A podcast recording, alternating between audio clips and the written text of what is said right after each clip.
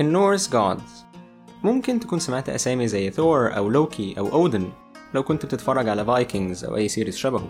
بس هما دايما بيكونوا side characters نادرا ما بتشوفهم وحتى لما سيرتهم بتتجاب أنت عمرك ما بتعرف هم إيه قصصهم إيه مغامراتهم. أنا محمد وأنا نفسي أغير ده.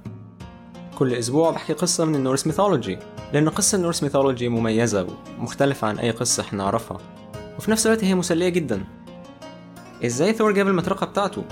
إزاي العالم متعلق من شجرة يعني إيه فالهالا؟ يعني إيه راجناروك؟ إزاي العالم هينتهي؟ كل الأسئلة دي هنجاوب عليها في أي سير كاست